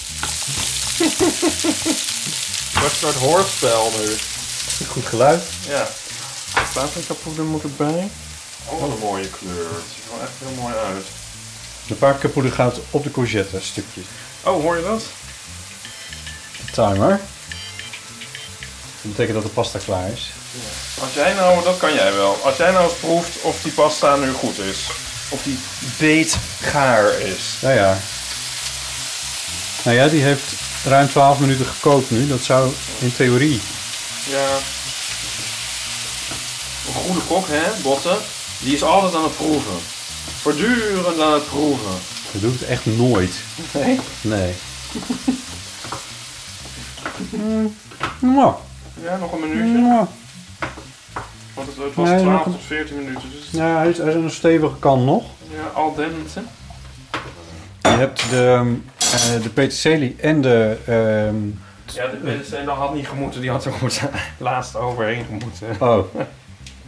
Maar toen waren we zo druk in gesprek dat ik het al bij de rest had Ja, gegooid. en de cherry tomaatjes, die, die halfjes, die heb je Ja, dit, beide goed. courgetteblokjes gedaan. Ja. En die moeten nog even, dat moet nog even bakken. ja. Perfect. Ja? Oké. Of zoals de Italianen zouden zeggen, perfetto. Nou, we kunnen bijna aan tafel. Wijntje. De pasta even afgieten. Oké, en dan eh, gaan we het over de borden verdelen. Dus vergeten we de pijnboompitten niet. Nee, nee, nee. Ik ben even in de war hoor. Nee, die staan hier achter mij. Die, daarmee wordt het geheel gegarneerd, gelardeerd. Oké. Oh nee, gelardeerd betekent met spekjes erbij. Is dat zo? Ja, dan lardon, spekje. Oh, oké. Grappig, hè? Ja. Oh, is er iets dat je niet weet? Nee. En nu eh, schep je de courgetteblokjes met de gebakken cherry tomaatjes op de borden over de pasta. Dan de vette blokjes. Kijk nog wat een kleurig... eh, Ja, het is een soort Italiaanse eh, kleurstelling. ja, dat heb ik wel eens ergens gelezen. Van als je nou zorgt dat je met heel veel kleuren eh, kookt... Ja. dan weet je zeker dat je redelijk divers... eh, Gevarieerd. Gevarieerd, ja. Dat is het woord wat bij eten hoort. Oh ja. Alright.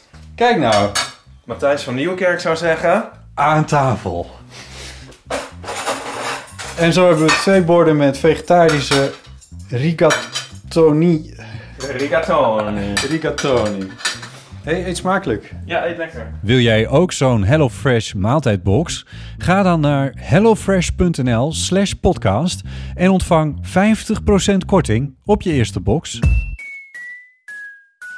Zullen we naar de dromen? Vind je dat een leuk idee? Ja. Het zijn mensen die dromen hebben ingestuurd. Ik weet even niet meer waar dat nou vandaan kwam uit mijn hoofd. Droom Ja. omdat ik in de Vondelste S had over mijn droom van op een podium staan en helemaal niet weten wat je moest Dat doen. was het. Ja, dat was het. Oké, Helena heeft daarop gereageerd. Hallo, leuke mensen van de Eeuw van de Amateur. Eh, mijn naam is Jelena, ik ben 26 jaar, ik kom uit Nijmegen. Ik bel in over de angstdroom. Ik heb namelijk elke keer een soort terugkerend thema van dieren. Eh, en dat heb ik echt al heel lang, al vanaf mijn achttiende. En het kan zijn dat ik mijn deur open en dat ik ineens voor, ja wat is het, 80 katten moet zorgen. Of ik heb in één keer een nestje puppies. Ik heb geen idee hoe dit kan. Ik heb wel zelf altijd katten gehad. Dus misschien dat daar een soort van ja, angst is ontstaan dat ik daar niet voor kan zorgen of zo. Maar het is heel erg vergelijkbaar met de stress die de mensen in de keuken ervaren. Omdat ik dan helemaal denk van, oh, hoe moet ik dit gaan aanpakken? En ik kan helemaal niet voor zoveel dieren zorgen. Hoe komen die dieren ook hier? Soms heeft iemand ze stiekem gebracht. Heel erg gek. Maar ik dacht, ja, vond het wel een leuke toevoeging. En daarnaast wil ik jullie heel erg bedanken voor alle fijne podcasts. Ehm, ik ben eigenlijk nooit zo fan van dingen. Maar eh, jullie luister ik echt heel erg trouw. Zo gauw het online is, wil ik het meteen horen. Dus heel erg bedankt daarvoor. En nog een hele fijne uitzending. Doeg! Dankjewel Helena, heel fijn om te horen. tof. Ja, eh dierenverzorg, angstdromen. Nou ben jij ook eigenlijk van de dieren. Ooit zoiets gehad? Nee. Nee. Nee, helemaal niet. ik noem wel Nico soms de dierenverzorger. en dan ben ik dan zogenaamd een zielig dier. Oh ja. Ja. Eh, Nico doet ook wel eens zo... eh, ja, ken je dat van... eh, ja, wat, wat, bij wat is dat dan eigenlijk? Alsof je een splinter uit mijn poot moet halen. Van een Eh, kwade tijger. En dat, dat, oh, dat, dat is een soort Een soort metafoor. rollenspelletje wat jullie dan doen? of Ja, zo? maar dan heb ik iets. Maar wat heb ik dan? Ja, wat, wat kan je eigenlijk hebben wat je zelf niet kan? Als ik mijn vinger in een, eh in een punten Splinters, splinters kunnen zoiets zijn. Sommige mensen kunnen dat niet. Een Ja. splinter bij zichzelf Misschien is het ook wel letterlijk met een splinter, ja. Ja. Ja, maar goed. Dan zeggen we dat- altijd, oh, dierenverzorger. Ja. Spelen, Het weet is maar, dat is heel lief.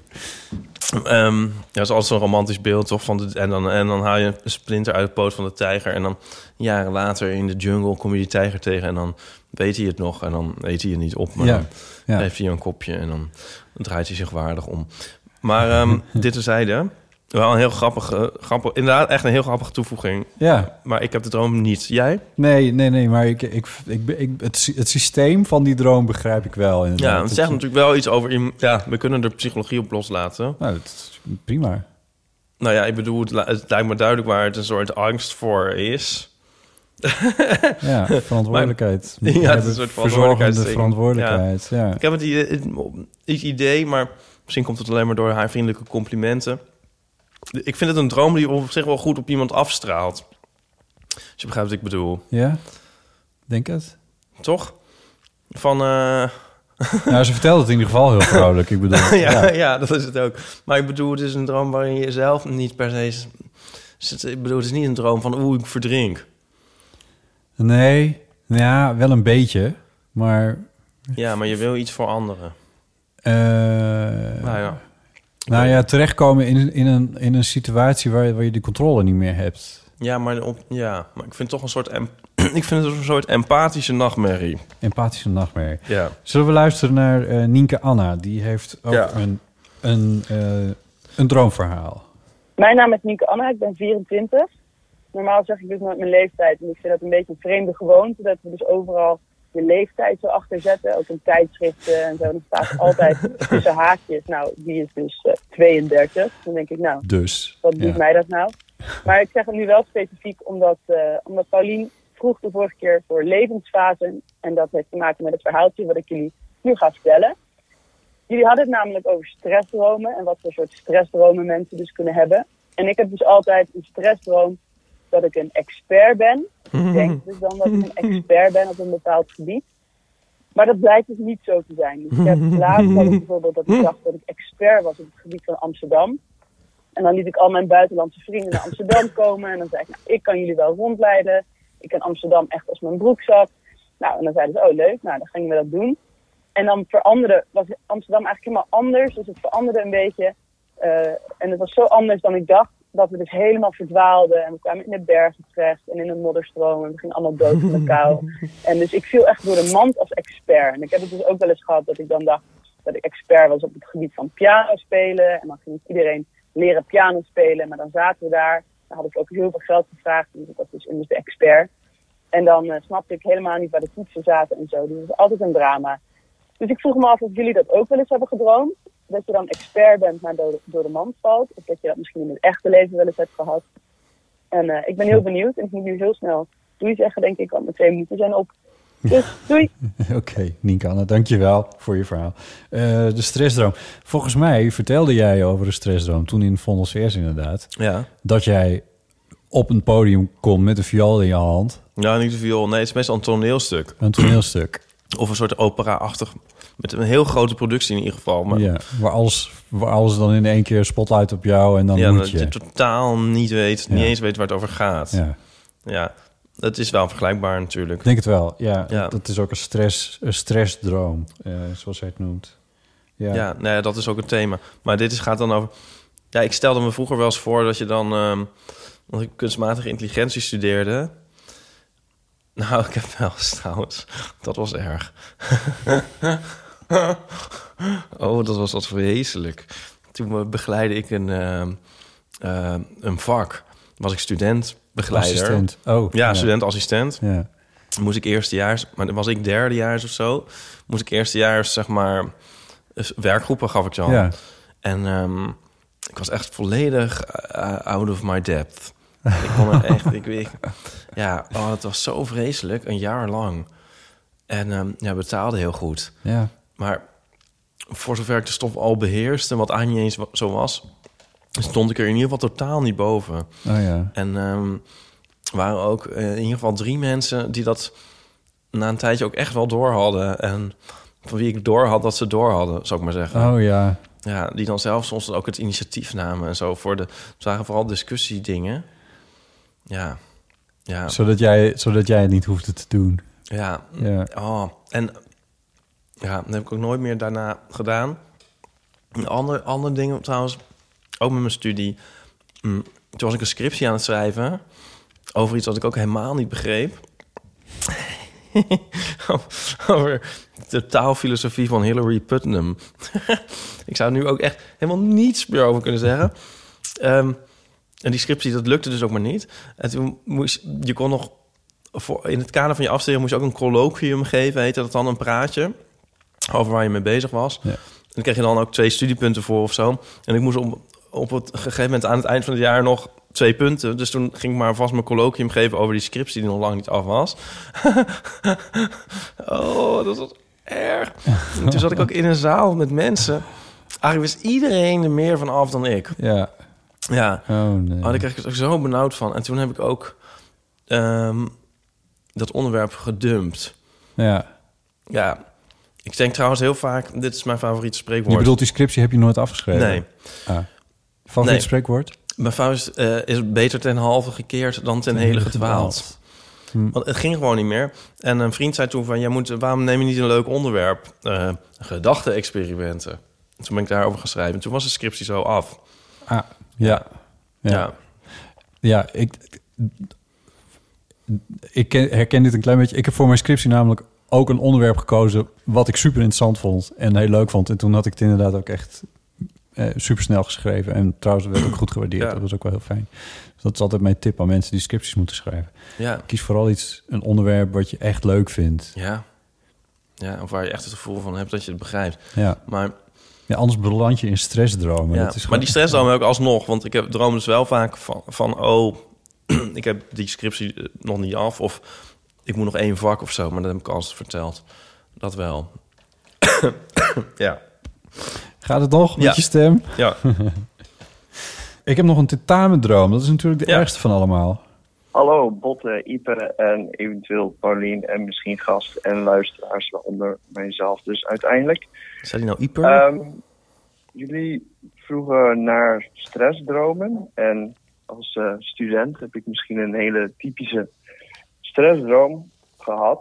De tentamendroom, waarin je de nacht voor je tentamens of examens daarover droomt. En vaak was de droom zelf niet heel stressvol, omdat ik eh, die best wel goed deed dan in mijn droom. Maar wat ik dan vaak had, was dat ik 's ochtends tevreden was over het verloop van mijn tentamen. En dan opeens besefte, oh Mhm. shit, ik moet hem nog doen.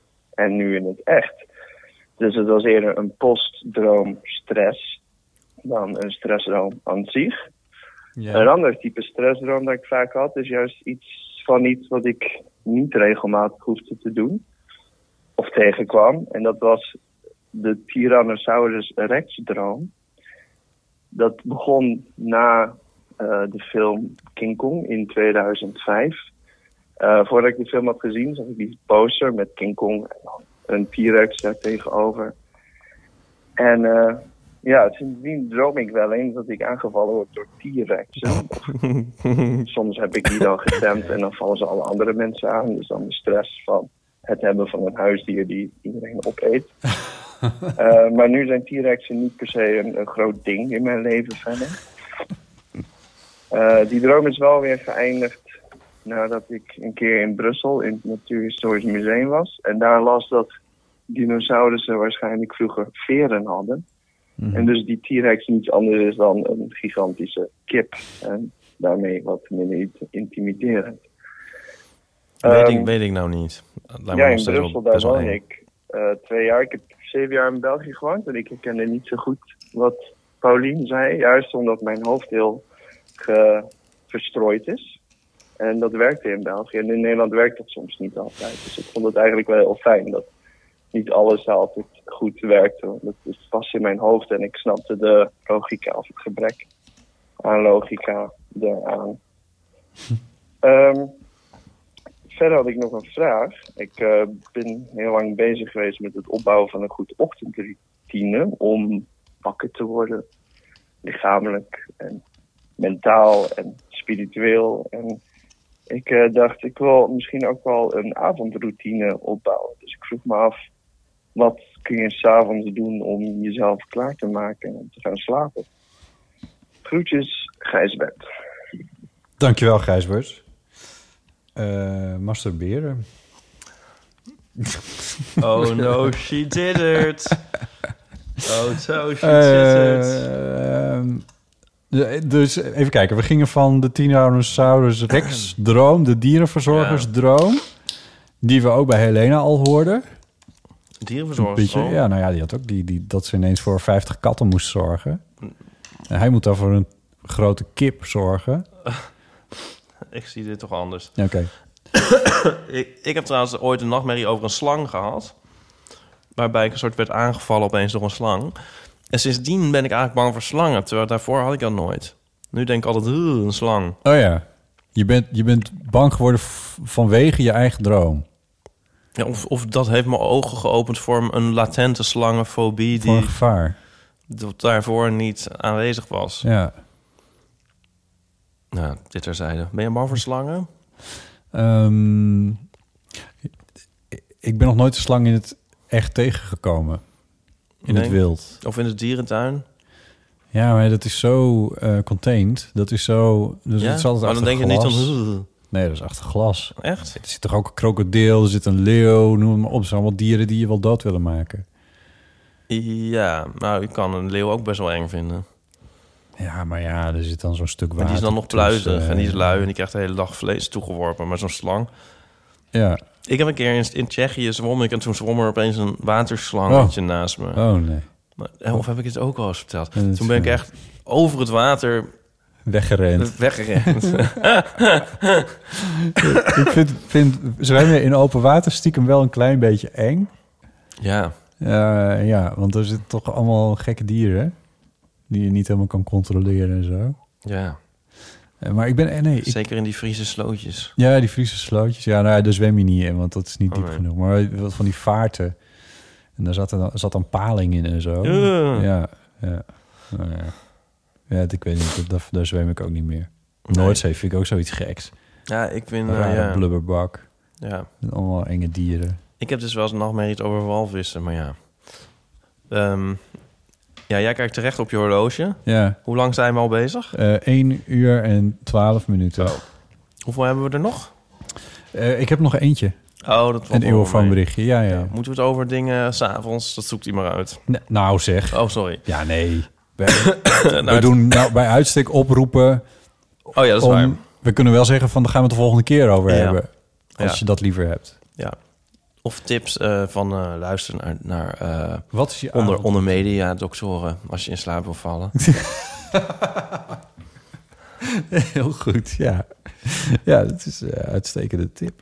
ja, lezen, Avondroutine. seks. Ja, wat doe ik voordat ik ga slapen? Oh, nou ja, maar dat heb ik ook al honderd keer gezegd. Met het oog op morgen luisteren. Met het oog op morgen terugluisteren. Ja. Terugluisteren. Ja, ja, want ik ga niet om 11 uur al liggen. Maar Nee. Eh, dan zet ik hem dan om, om, om, wat is het, tien over twaalf. Dan is de podcast er al van oog op morgen tegenwoordig. Dat is heel fijn. Ja. Dus ik kan hem downloaden en dan kan ik hem meteen aanzetten. En dan val ik dan echt binnen een half uur mee in slaap. Dat is echt probleemloos. Ehm, en verder, ja, lezen is heel fijn. Ik weet niet, het wordt altijd geadviseerd om niet te veel beeldschermen te kijken voor het slapen gaan. Ja. Daar ben ik niet zo goed in. Niet Nee, beeldschermen kijken. Eh, het is niet dat ik nou nog tot laat op mijn telefoon zit, maar Netflix of zo, dat weer wel. Ja, dat gebeurt nog wel eens. Verder gewoon druk hebben, dat helpt ook heel erg voor het slapen gaan. Ja. Toch wel, ja, word je gewoon moe. Maar als mensen nou goede tips hebben voor, oh, dit doe ik om in slaap te komen, eh, spreek het dan vooral eventjes in op de eeuwfoon natuurlijk. Een geurkaars branden. Ja. Ik zeg maar wat. Ja, nou, ik kan me wel iets bij voorstellen dat mensen een routine, ja. een routine hebben. ja. Laten we tenslotte nog even luisteren naar het verhaal van Anne. Hi Botte, Ipe en gast. Ik bel even met een vraag die je niet kan googlen. Ik ging van de week met de bus naar mijn werk eh, en toen ik instapte was de bus bijna helemaal vol. Maar er was een meisje die haalde zo de tas van die andere stoel, dus daar kon ik zitten. Nou, hartstikke bedankt. En we gingen rijden en ik moest heel lang in de bus zitten, dus er gingen steeds meer mensen uit de bus. Op een gegeven moment komt er een man van achter, die stapt uit. En het ging echt gigantisch stinken waar wij zaten. En ik ben er eigenlijk van overtuigd dat die man dus, terwijl die uitstapte, echt een hele grote scheet liet. Maar op, toen die man uitstapte, waren we nog maar met z'n drieën in de hele bus. Er zat één iemand helemaal vooraan en dat meisje en ik. Dan krijg je al eigenlijk, tenminste dat kreeg ik... Als je in zo'n volle bus zit, dan zit je allemaal tegen elkaar aan... en dan heeft eigenlijk niemand het echt in de gaten. Maar als je dan nog maar met z'n drieën in die bus zit... dan zit iemand ineens gigantisch in je aura als je dan nog naast elkaar zit. Dat was nog niet eens zo'n punt. Maar ik had twee grote tassen bij me en ik wilde me graag nog even opmaken. En ehm, ik wou gewoon wat meer ruimte. Ja. Maar dat meisje was zo aardig geweest om de tas voor mij weg te halen. Dus ik dacht toen we in, in een nagenoeg lege bus zaten van... ik wil nu ergens anders gaan zitten. Moet ik dan tegen haar zeggen van... Hé, hey, dit is niet omdat eh, jij... eh, omdat ik jou niet leuk vind. Of hey, dit is niet omdat ik denk dat jij die scheet net liet. Want zij moet hem ook ongetwijfeld geroken hebben. En dan dacht ik van, oh, straks denkt ze dat ik die scheet gelaten heb. Of nog erger, straks denkt zij dat ik denk dat zij die scheet gelaten heeft. Eh, dus dat ging allemaal door mijn hoofd. Met eigenlijk als basis de vraag, moet je dan zeggen van... hé, hey, ik ga even ergens anders zitten... Of moet je dan gewoon ergens anders gaan zitten met de kans dat mensen denken... hm, ze vindt zeker dat ik stink. Wat vinden jullie daarvan? Doei! Dank je, Anne. Dit is een eh, goed verhaal en een goede vraag. Eh, ja, hier kun je eindeloos over nadenken, inderdaad. Van wat zullen mensen wel niet denken als? Dit is natuurlijk een groot nadeel van openbaar vervoer. Ik zou denken, dit dilemma zou zich ook al voordoen zonder die scheet. Ja, ja als, de, als je in een volle bus stapt, je zit naast elkaar... en vrijwel de hele bus raakt vervolgens leeg... behalve jij met z'n tweeën, of misschien nog Ja. een paar verderop... maar ja, dat er ineens veel meer ruimte is... en je zou niet zo naast elkaar zitten als je niet bij elkaar zou horen. Ja, Ja. Dan, dan vind ik eigenlijk de vraag scherper worden. Maar dit is wel zo weer specifiek voor een bus... Ja. Want in een trein, Ja. en ik moet bekennen dat ik dit wel eens heb gedaan, Ja. eh, kan je naar een volgende coupé lopen. ja, dat doe je alsof je uitstapt. Ja, Ja, ja. in een trein kan dat. ja, dat kan in een trein. Ja. Maar dat kan in een bus dan weer wat minder goed. Ja, je kan naar achteren lopen, maar... Ja, maar ja, dan... Ja. Ja, nee, dus dat, dat in, een, in een, een bus... In bus is dat weer ingewikkeld. Het is ook een beetje hiske in, in het zwembad. Zeker, ja. Ja. Een loop waar je niet uitkomt. Ja, want het is allebei. Maar ik, nou, ik kan me grappig genoeg dit herinneren nog van toen ik klein was. Dan gingen we wel eens met mijn moeder met de bus naar Delft vanuit BNR. En er zaten toen vaak eh, studenten en zo in. En toen zaten zat ik met mijn moeder in zo'n dingetje met, van, met z'n vieren in de bus, waar je met z'n vieren in zit. Ja, ja. En ehm, toen zat de bus ook heel erg vol. En er zat er een student bij ons. Een soort stoere jongen. Misschien vond ik hem wel knap. En toen... eh, ik weet er zeker dat ik hem knap vind Was eigenlijk. Want, want, want, want ik voelde ook een soort... Het, namelijk op een gegeven moment was er een halte. En toen ging eh, bijna de hele bus eruit. Maar hij nog niet. Nee. Maar hij stond wel op. En ik dacht, oh jammer, hij gaat eruit. Maar toen ging hij dus ergens, Ergens anders anders zitten. zitten. En dat kun je natuurlijk ook gewoon doen als je stoere jongen, Ja, stoere student en ik dacht nog, want met een soort jaloezie voelde ik toen zo van dat hij dat durfde. Ja, eigenlijk. precies. Ja. ja. Ja, een soort autonomie die mij nooit Nee. gegeven is ja. geweest. Ja, en toch zou je, denk ik, om in de wereld een beetje eh, normaal door te kunnen komen. Nou ja, dit is ook een beetje waar ik aan dacht bij, eh, bij Anne. Van wat is nou een oplossing in deze situatie? Is eigenlijk, eigenlijk is er, er zijn twee oplossingen. Nou, er zijn drie. Namelijk niet oplossen, wat ze heeft gedaan, kennelijk. Eh, je kan eh, het expliciet maken. Het gewoon er maar uitgooien. Zo van, jezus, wat stonk die vent. hey, weet je, ik moet me nog even opmaken. Ik ga even een zitje verderop zitten. Doei. En dan is het klaar. Dan heb je het ook opgelost. Dat vraagt wel wat ballen. En je kan ook gewoon stilzwijgend eh, een zitje verderop gaan zitten... en doen alsof het je allemaal niks kan schelen.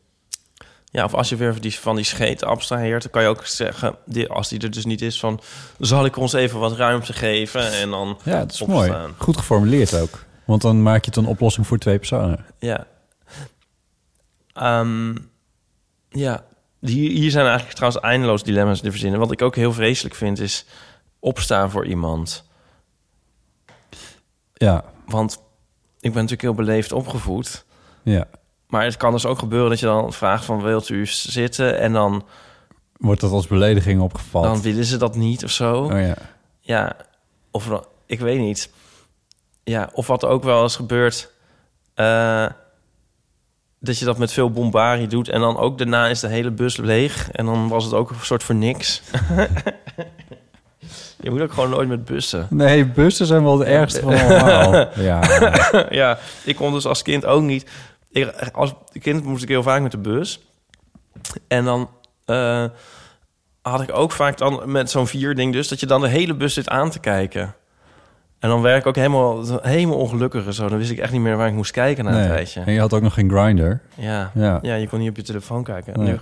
Nu, nu, nu is het, dat is wel iets minder geworden. Ja.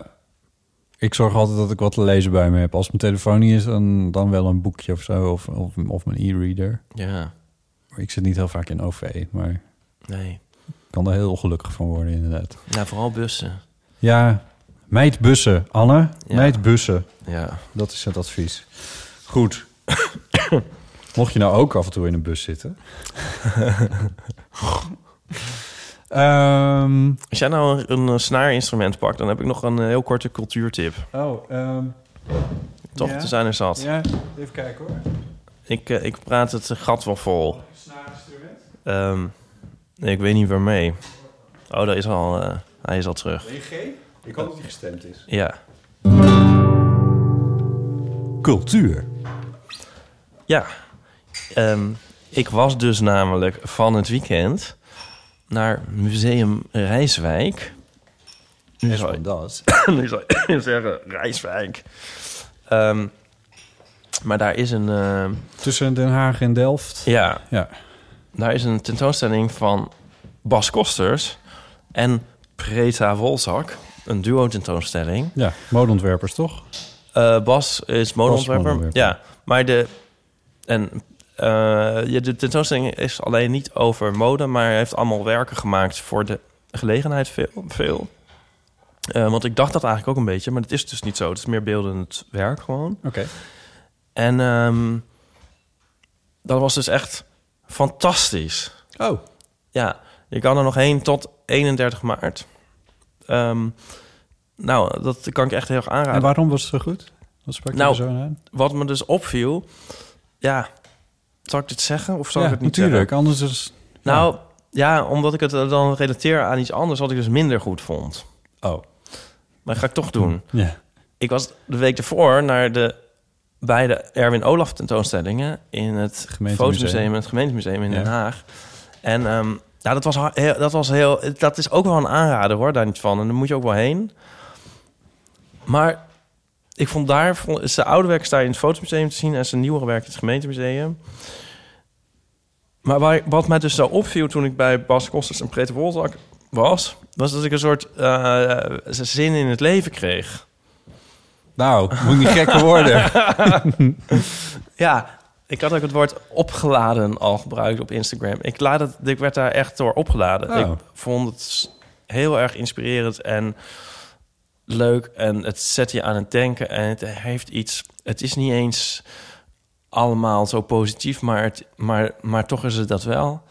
In het voorhandwerk van Preta Wolzak zit ook wel eh, een soort doom en gloom... maar dan op een heel mooie manier verpakt. Ehm, ze vullen elkaar trouwens ook heel erg goed aan. Ze, ze- ze zijn niet, ja... In ieder geval, het was zoiets waarbij ik naar buiten die wat je soms hebt met kunst... en dat je denkt van, ja, ik heb er weer zin in. Nou, wat fijn. Ja, en dat had ik dus minder bij Erwin Olaf. Erwin Olaf. Oh. Misschien bij Erwin Olaf wel meer van zijn oude werk. Hm. Zijn nieuwe werk is natuurlijk toch een soort Ja, dat verstilling en een soort jaren 50 sfeertje. eenzaamheid en afstandelijkheid. Ja. Eh, ik bedoel, en niet alle kunst hoeft natuurlijk zo te zijn dat je denkt van Nee. dat je je juichend naar buiten loopt. Ja. Dus in die zin is het ook geen kritiek, maar het was meer zo van waar ik op dit moment was ik meer hier aan toe. Ja, dus als je dat nou ook hebt, ja, je moet er echt heen. Het is trouwens in een schitterend gebouw. Ik was daar nooit geweest. Het Museum Rijswijk in het Hendrik Tollenshuis. Het is echt een heel mooi oud gebouwtje. En het is een heel erg leuke combinatie hoe dat vol hangt met dit werk. Ja, die setting is gewoon al heel erg leuk. Mooi. Leuk. Ja. Ja. Ja. Goeie tip. Ja.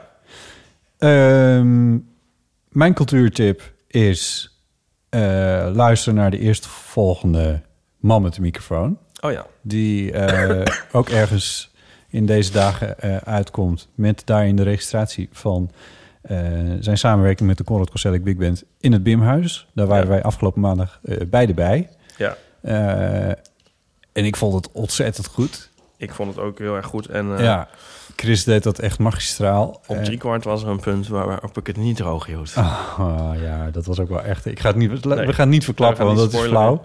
Ja. maar eh, luister, eh, volgens uit mijn hoofd aflevering 22 zei hij, hè? Ja. Dat waar we het over hebben. 22 van De Man met de Microfoon. Een podcast dus die je gewoon kan downloaden. Ehm, verder hebben we nog onze Instagram. Die Oh ja. Echt, waar we heel veel hoeveel volgers hebben inmiddels. Kun je dat heel snel checken? Eh, ja. Ehm, ik zette er net een foto op. Oh, ja. Kijk, daar gaat Van ontzetting eh, hier. Ja, zal ik het eh, zeggen met de Jordaan? Nee, d- d- maar niet meteen. Ik vroeg je alleen hoeveel volgers we hadden. Ja, ja. Ik ga het nu zeggen. Ja. 234! Goedemorgen. Nou, dat vinden wij helemaal niet slecht. Eh, maar mocht je nou ook op Instagram zitten en het leuk vinden... volg ons dan eventjes op Eeuw van de Amateur. Eh, zie af en toe wat fotootjes, wat kijkjes achter de schermen. En natuurlijk de fotografie die we bij de afleveringen maken... die zetten we daar ook op.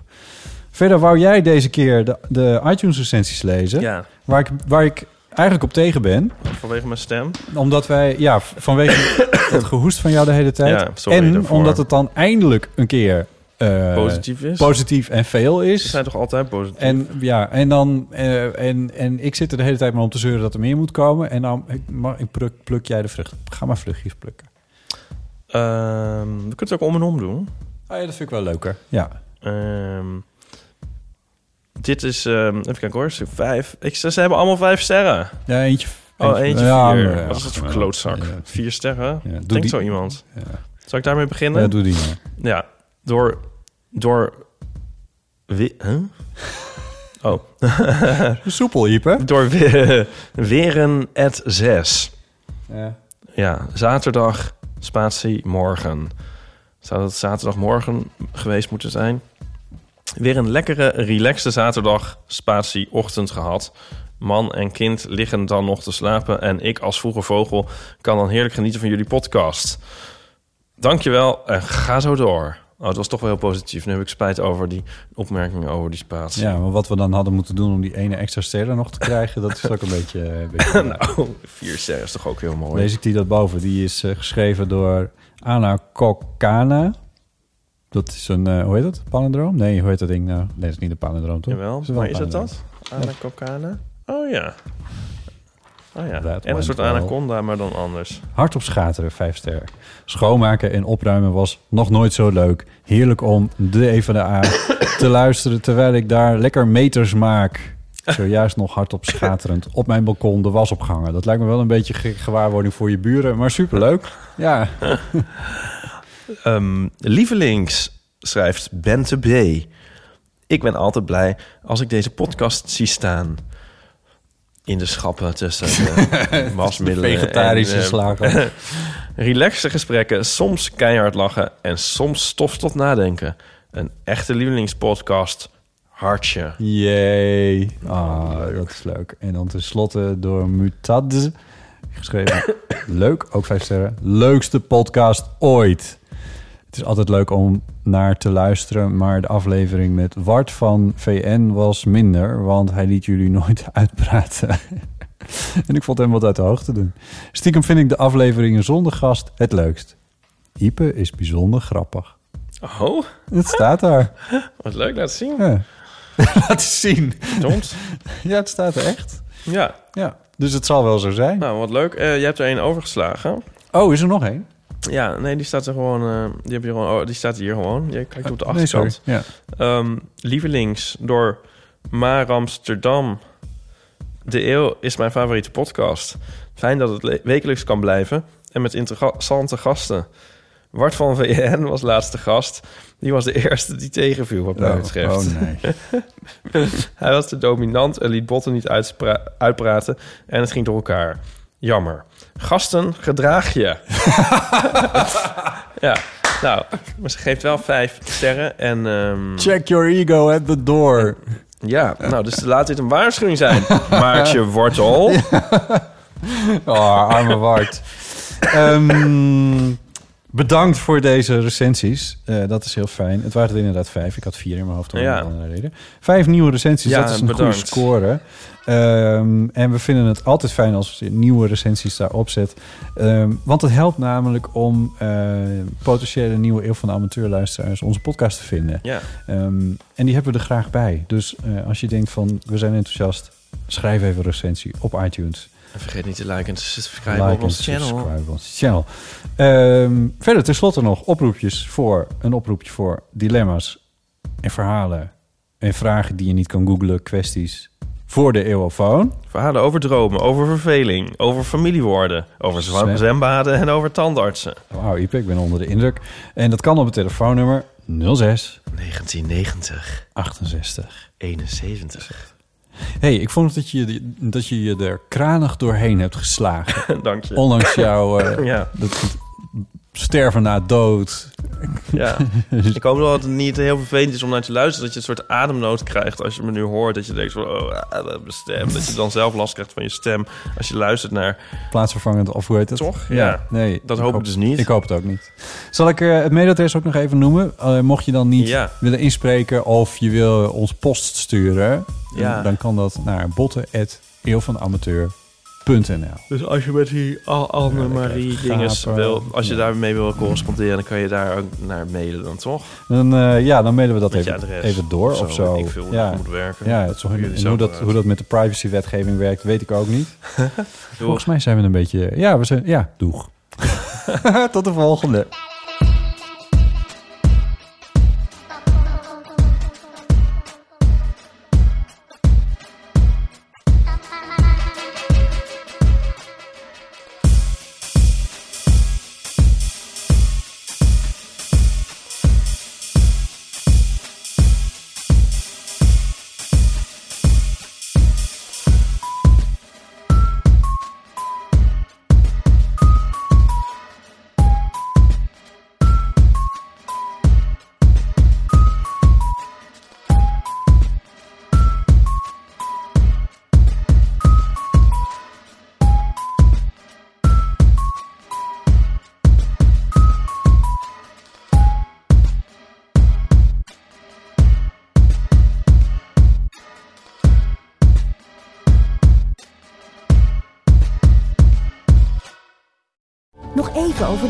En epische muziektheatervoorstelling. Het achtste leven voor Brilka is een marathonvoorstelling van 5 uur. Koop je tickets voor deze bijzondere theateravond via oostpol.nl.